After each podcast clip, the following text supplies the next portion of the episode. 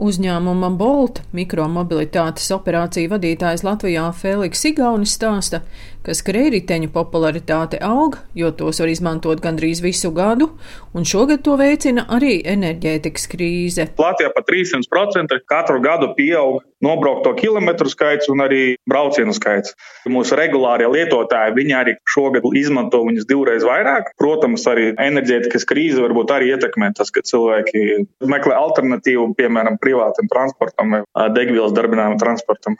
Runājot par Rīgu, 20. gadā mēs līdz 7. janvārim operējām, un no 21. gadā mēs laikam bišķiņā ātrāk, pirms Ziemassvētkiem, laikam pabeidzam sezonu. Tā kā, nu, pat redziet, kāda Rīgā tā ziema ir, jā, tik līdz ko ielas nokaisīts un sniega nav, mēs viņus liekam uz ielām. Divi mēneši ir tāda pilnā ziema.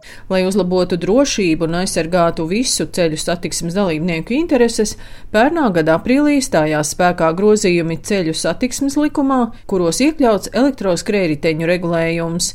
Noteikumus skaidros satiksmes ministrijas sabiedriskā transporta pakalpojumu departamenta direktora vietnieks Jānis Kalniņš. Jāatcerās, ka elektroskrējritenis paredzēts ir vienam cilvēkam. Bieži vien novērojam, ka cilvēki tomēr šo te pārkāpi. Tāpat jāatcerās, ka elektroskrējritenis ir tāds transporta līdzeklis, kurš var attīstīt ātrumu ne vairāk par 25 km/h Elektroskrētiņa vadītājs nevar traucēt gājējiem uz trotuāriem un ietvēm, jo prioritāte ir tiešām gājējiem un jāņem vērā, ja traucē gājējiem, tad jāsamazina ātrums. Jāatcerās, ka eh, no 14 gadiem drīkst ar elektroskrēteni braukt. Un no 14 līdz eh, šim 18 gadiem ir jābūt arī velosipēdu vadītāja apliecībai, aicināt arī lietot aizsargu ķivers bērniem.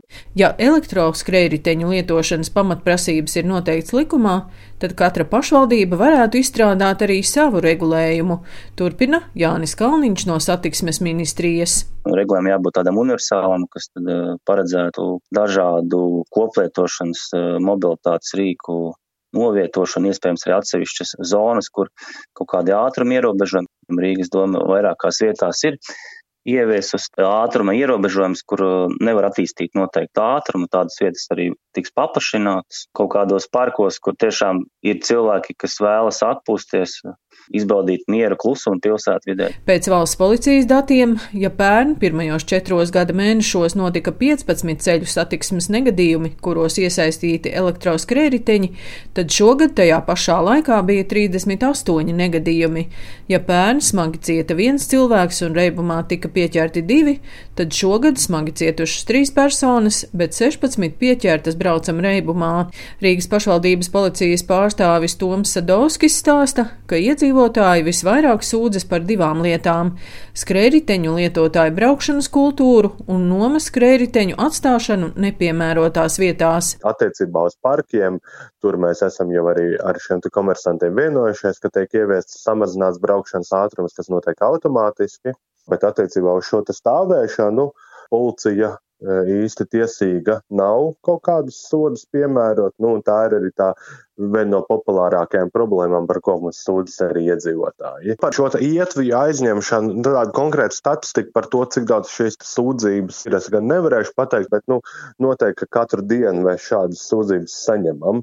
Drīzāk tas būtu katram pašam komersantam, pašam vairāk jākontrolē, ko viņa lietotāji dara.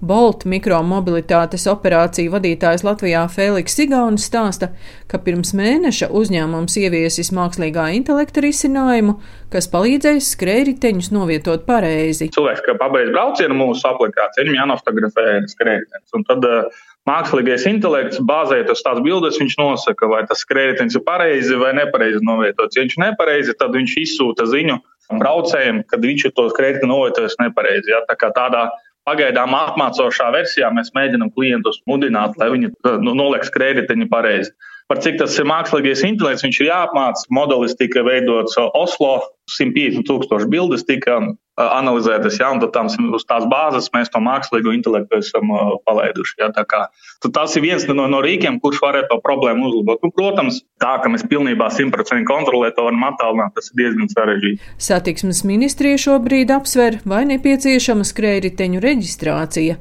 Tā kā nomas skrējriteņiem ir izsakošanas ierīces, tiem reģistrācija nav nepieciešama. Iespējams, reģistrācija varētu noderēt tiem, kas paši iegādājušies skrējriteņus privātai lietošanai. Daina Zalamane, Latvijas radio.